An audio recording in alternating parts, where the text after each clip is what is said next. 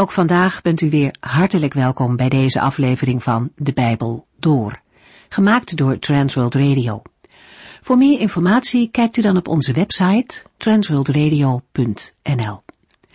In deze serie gaat u in vijf jaar tijd met ons de Bijbel door, van Genesis 1 tot en met het laatste vers in Openbaring 22. In de vorige uitzending lazen we de tweede helft van Filippenzen 1, waarin Paulus vertelt dat hij in de gevangenis zit en dat intussen mensen buiten de gevangenis staan te preken. De taak die Paulus van God had gekregen en die hij nu zelf niet kan uitvoeren, wordt door anderen overgenomen. En dat is nog niet alles. Er zijn zelfs mensen die met verkeerde bedoelingen staan te preken. Zij willen het leven van Paulus zuur maken. Dat geldt niet voor iedereen, maar toch. Wat zouden we het goed kunnen begrijpen als Paulus er boos en teleurgesteld om zou zijn? Dat hij misschien wel zou gaan twijfelen of de Heer nog wel bij hem was. Maar daar lezen we niets van. Paulus zegt heel simpel, wat doet het ertoe? Hij is oprecht blij dat de naam van Jezus bekendgemaakt wordt, zelfs als mensen dat vanuit een verkeerde motivatie doen. Hij laat zich niet ontmoedigen. Hij beseft hoe belangrijk het is dat iedereen van de Heer Jezus hoort als dat maar doorgaat. De gevangenschap van Paulus heeft ook tot gevolg dat andere christenen moed hebben gevat om vrijmoedig te getuigen. Ook tegenwoordig kunnen de getuigenissen van christenen elders in de wereld ons geloof versterken. En daarom is het ook de moeite waard om ze te lezen. Paulus was in alles op de Heer Jezus gericht. En dat lezen we ook in het vervolg, waarin hij aangeeft dat de keuze tussen leven of sterven voor hem niet makkelijk zou zijn. Hij wilde graag bij Christus zijn, dat is het beste, maar tegelijkertijd wilde hij ook graag leven om anderen in aanraking met Christus te brengen. Zowel zijn leven als zijn sterven was totaal op zijn Heer gericht. In de slotverse van hoofdstuk 1 lezen we al iets over de eenheid waar Paulus de Filippiërs op wijst. Hij was al heel blij met hen, maar zag ook de risico's die de gemeente liep, omdat er hier en daar sprake van oneenigheid was. En om erger te voorkomen, wijst Paulus hen erop in deze brief dat ze eensgezind moeten optrekken. We beginnen nu in Filippenzen hoofdstuk 2. In de vorige uitzending lazen we in Filippenzen 1 vers 27. Maar let erop dat u zich altijd in overeenstemming met de goede boodschap van Christus gedraagt. Laat ik altijd goede berichten over u mogen horen, of ik u nu terugzie of niet. Wees één van hart en ziel en zet u volledig in voor het geloof en het goede nieuws. In Filippenzen 2 vers 1 zet Paulus de gedachte van Filippenzen 1 vers 27 voort, om één van hart en ziel te zijn. Vers 1 is ook een aanloopje voor de oproep in Filippenzen 2 vers 2. Filippenzen 2 vers 1 en 2. Als u door uw verbondenheid met Christus zozeer bemoedigd en liefdevol getroost wordt, als u door de geest één bent met elkaar, als u zich over elkaar ontfermt en liefdevol met elkaar omgaat.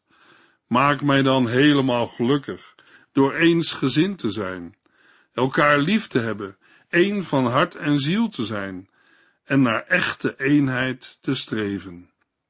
Met vier korte zinnetjes die ingeleid worden met het woordje als, geeft Paulus de basis van de eensgezindheid aan. Het Griekse woord voor als geeft in Filippenzen 2 geen vraag of mogelijkheid aan, maar juist een zekerheid, en kan daarom beter met aangezien worden vertaald. De tekst van de eerste twee versen wordt dan, aangezien u door uw verbondenheid met Christus zozeer bemoedigd en liefdevol getroost wordt, aangezien u door de geest één bent met elkaar, aangezien u zich over elkaar ontfermt, en liefdevol met elkaar omgaat, maak mij dan helemaal gelukkig door eensgezind te zijn, elkaar lief te hebben, één van hart en ziel te zijn en naar echte eenheid te streven. De grote vraag bij deze woorden is nog wel of met de troost, de bemoediging, de ontferming en de liefdevolle omgang de troost van Christus voor de gemeente wordt bedoeld, of de troost van Paulus voor de Filippenzen of misschien de troost, bemoediging, ontferming en liefdevolle omgang van de Filippenzen voor elkaar en voor de apostel zijn bedoeld. Waarschijnlijk is het laatste het geval. Paulus concludeert dat de genoemde eigenschappen in de gemeente van Filippi aanwezig zijn en dat het een basis is voor eensgezindheid. Aangezien de gelovigen in Christus zijn, door het geloof aan Hem en daarmee aan elkaar verbonden, kunnen zij elkaar troost geven. Aangezien zij liefde hebben, kunnen zij elkaar bemoedigen. En, aangezien ze allen vervuld zijn met de Heilige Geest, kunnen zij gemeenschap met elkaar hebben. Verder moet Paulus constateren dat er bij hen ontferming is en dat hij zelf hun daden van barmhartigheid heeft ontvangen. Deze uitleg neemt niet weg dat het ook mogelijk is dat Paulus in Filippenzen 2 stelt. Dat de Filippenzen door Christus zijn getroost, dat ze door zijn liefde zijn bemoedigd, dat ze de gemeenschap met de Heilige Geest hebben ervaren. En dat ze zich de ontferming en barmhartigheden van de Here realiseren. Als de genoemde eigenschappen in vers 1 aanwezig zijn, of als de Filippenzen deze van Gods wegen hebben ervaren, dan moet het ook mogelijk zijn tot eensgezindheid te komen. Daarom schrijft de apostel in vers 2, maak mij dan helemaal gelukkig door eensgezind te zijn, elkaar lief te hebben, één van hart en ziel te zijn en naar echte eenheid te streven. Paulus is blij en gelukkig, maar toch wordt zijn vreugde enigszins getemperd door de oneenigheid bij de Filippenzen. Als zij deze oneenigheid zouden oplossen, dan zou dat de blijdschap van Paulus sterk doen toenemen. Met eensgezind zijn wordt vooral een houding en een gezindheid aangegeven, letterlijk vanuit het Grieks hetzelfde denken. Met elkaar liefhebben bedoelt Paulus de onderlinge liefde van de gelovigen. Net als in vers 1 gebruikt Paulus vier uitdrukkingen, die vrijwel hetzelfde betekenen, om zijn oproep aan de Filippenzen zo duidelijk mogelijk te maken. Het gaat om een eenheid van denken, willen en voelen. Filippenzen 2 vers 3 Wees niet egoïstisch en probeer niet de eer naar u toe te trekken, maar wees nederig en sla een ander hoger aan dan uzelf. In vers 3 blijkt dat er factoren zijn die de eenheid verstoren. Daarom geeft Paulus ook opdracht om iets niet te doen. De gelovigen in Filippi moeten oppassen dat ze niet denken of handelen vanuit zelfzucht of egoïsme.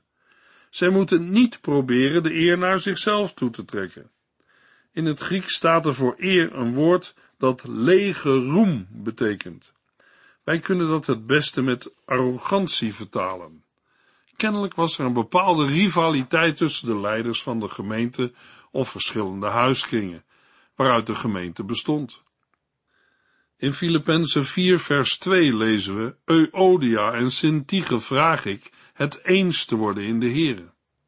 Euodia en Sintige hadden zich, volgens Filippenzen 4 vers 3, met Paulus ingespannen om het goede nieuws bekend te maken. Het waren vrouwen die het evangelie zelf hadden doorgegeven of de verkondiging hadden ondersteund.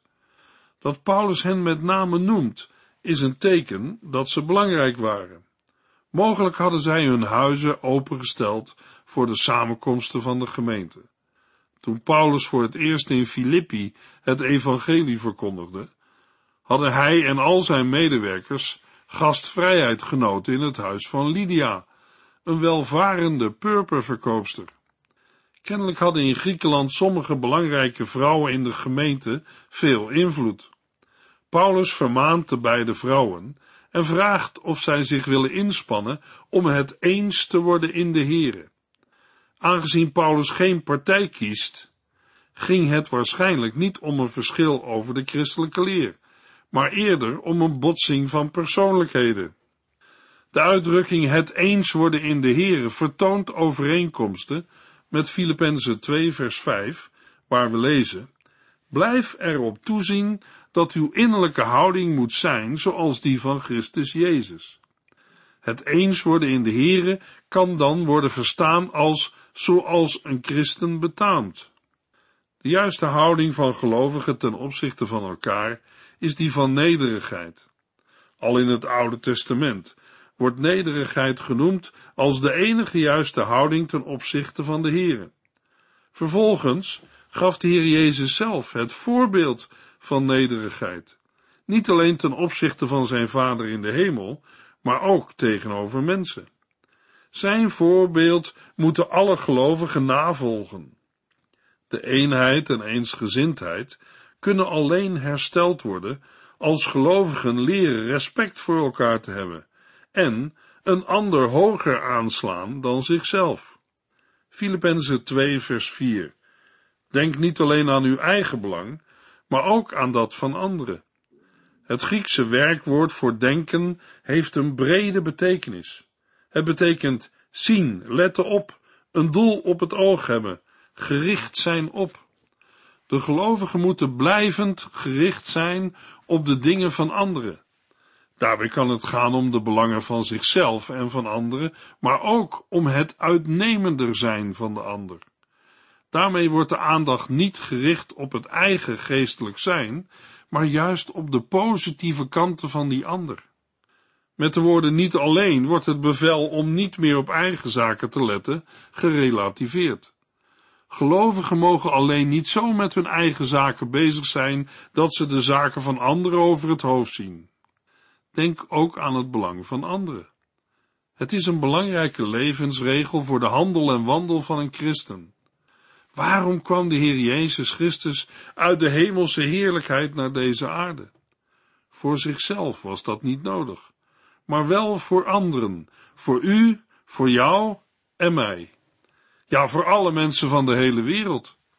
Het in praktijk brengen van de woorden in Filippenzen 2 vers 3 mag ook gevonden worden in het uitdragen van het evangelie door gelovigen, de gemeente van Christus.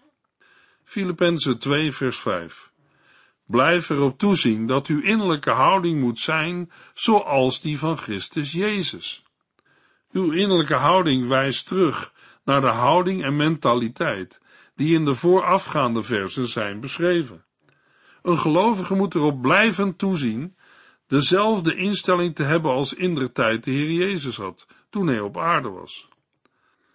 Aan de andere kant roepen de woorden ook op om een mentaliteit te hebben zoals het gelovigen in Christus betaamt. Zij moeten zich gedragen overeenkomstig dat wat ze in Christus zijn. Hun instelling moet voortkomen uit hun geloofsverbondenheid met Christus. Hoe kan een gelovige in de praktijk van het dagelijks leven nederigheid laten zien? In Efeziërs 4 vers 2 lezen we, Wees nederig en vriendelijk, heb geduld met elkaar en verdraag elkaar vol liefde. Van onszelf zijn wij mensen niet nederig en vriendelijk.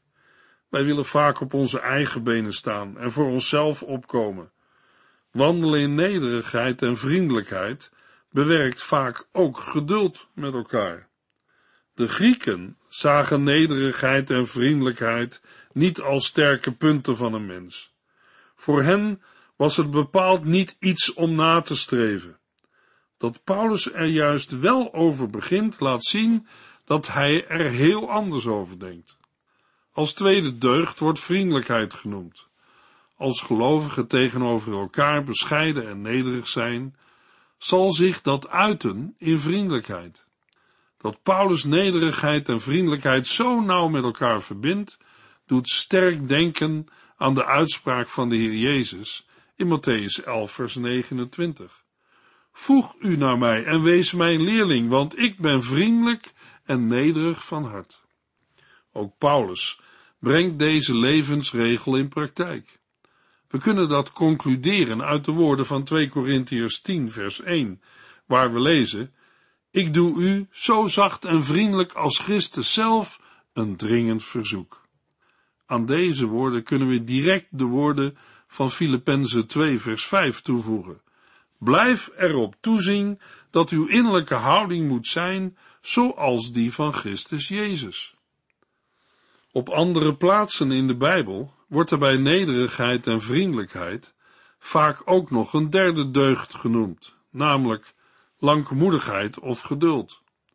een deugd die ook vaak apart staat, omdat geduld, bijvoorbeeld in het Nieuwe Testament, meer aan God en aan Christus worden toegeschreven dan aan mensen. Van de drie-enige God, de Vader, de Zoon en de Heilige Geest, geldt dat zij geduld hebben.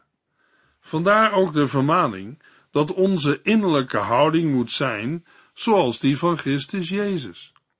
Als wij, gelovigen, zijn zoals Hij, dan kunnen en willen wij ook elkaar in liefde verdragen.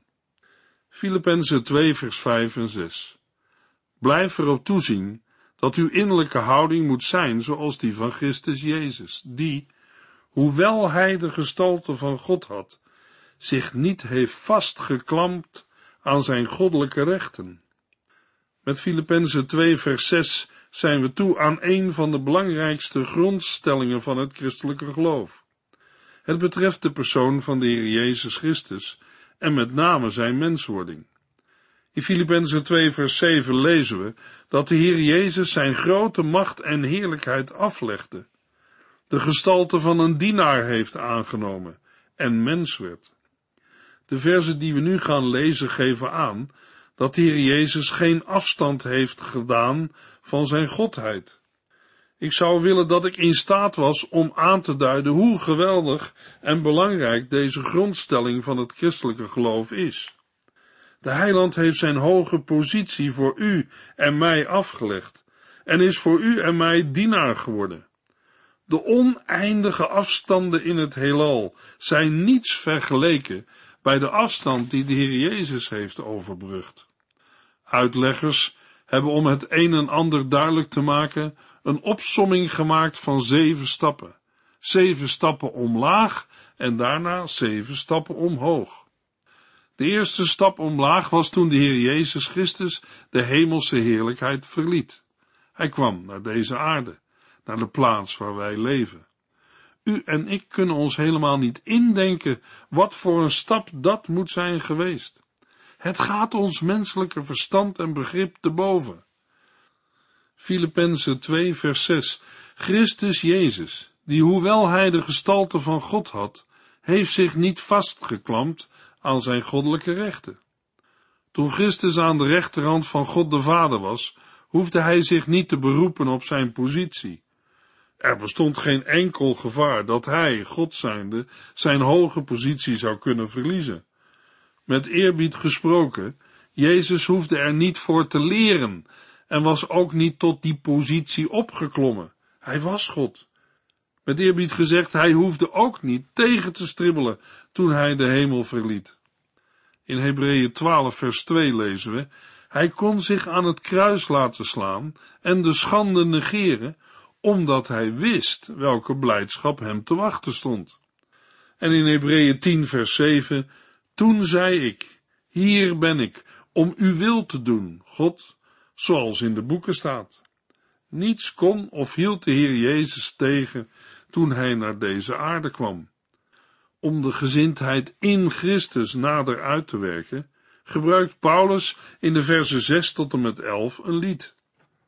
Dit lied over Christus had mogelijk zijn oorsprong in de Hebreeuws of Aramees sprekende gemeente in Israël, omdat het de vorm heeft van een psalm met steeds twee parallelle regels. In de eerste verse wordt het bestaan van Christus bij God bezongen, voor de schepping. Christus had de gestalte van God. Bij gestalte moeten we in dit verband niet denken aan een uiterlijke overeenkomst, maar aan de heerlijkheid van God. Ook in Filippenzen 3 vers 21 wordt dit verband gelegd. Zo weerspiegelde de eerste mens ook het beeld en de heerlijkheid van God. Maar de eerste mens wilde bovendien aan God gelijk zijn. Christus, die de heerlijkheid van God had, wilde zich vrijwillig vernederen om te dienen.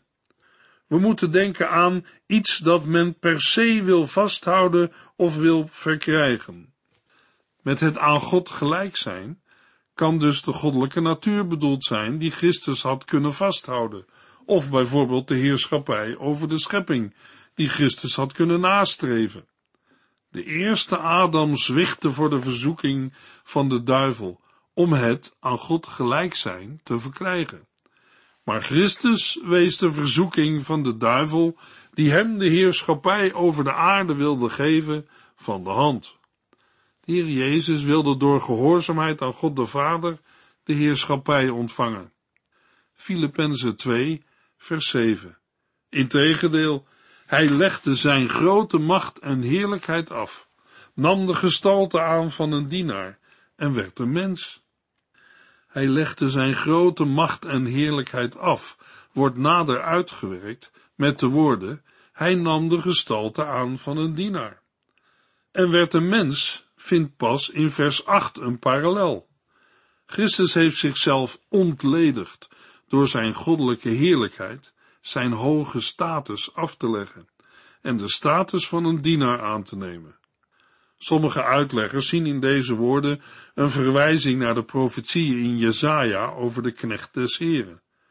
Maar omdat de gestalte van een dienaar in tegenstelling staat tot de gestalte van God en een parallel heeft met het persoonlijk afleggen van zijn grote macht en heerlijkheid, is het waarschijnlijker dat dienaar in vers 7 gewoon mens betekent.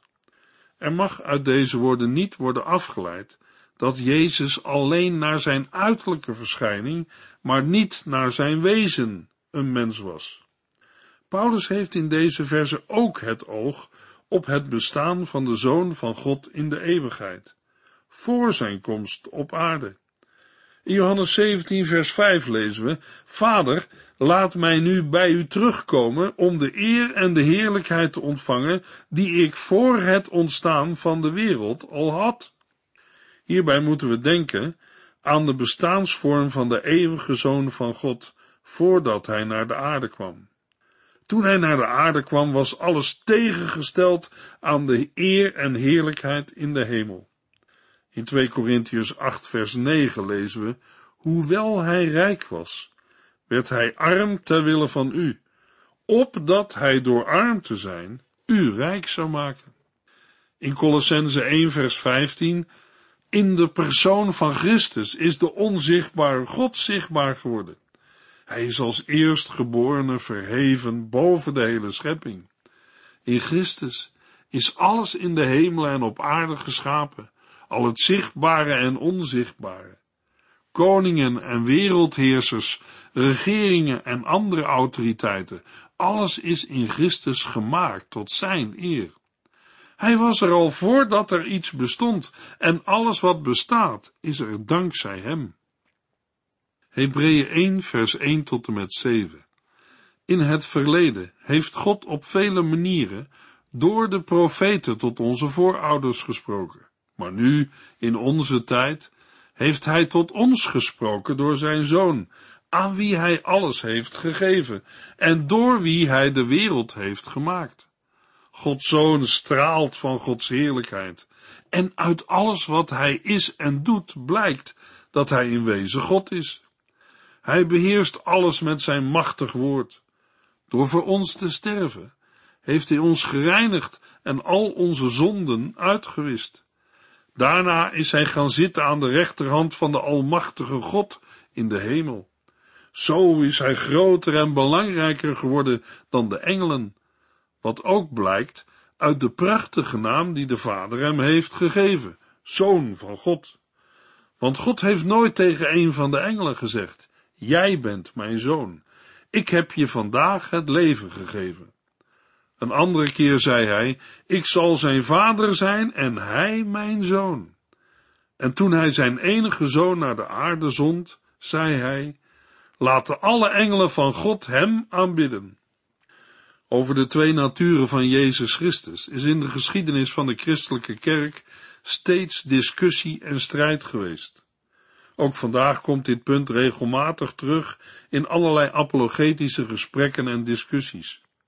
In een aantal christelijke beleidenisgeschriften is de onderbouwing en het verweer tegen de bestrijders van de twee naturen van Christus opgenomen en uitgewerkt. Een voor Nederland bekend geschrift is de Nederlandse geloofsbeleidenis.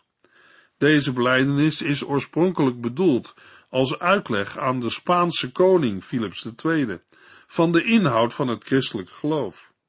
Guido de Bray destijds predikant, wilde uitleggen dat de mensen van de Reformatie geen oproerkraaiers waren of ketters. Ze waren christenen. In de 16e eeuw hebben reformatoren als Luther, Calvijn en Zwingli de beginselen van de Reformatie verdedigd. Een van die beginselen is dat God mensen alleen uit genade wil verlossen. De Reformatie leerde dat mensen behouden worden, niet omdat zij dat hebben verdiend of omdat zij zo goed leven, maar uitsluitend om en door de genade van Christus. Alleen uit genade en door het geloof in Christus worden mensen gered. Uit het verzet van Luther, Calvijn en Zwingli zijn de gereformeerde kerken en reformatorische beleidenissen ontstaan.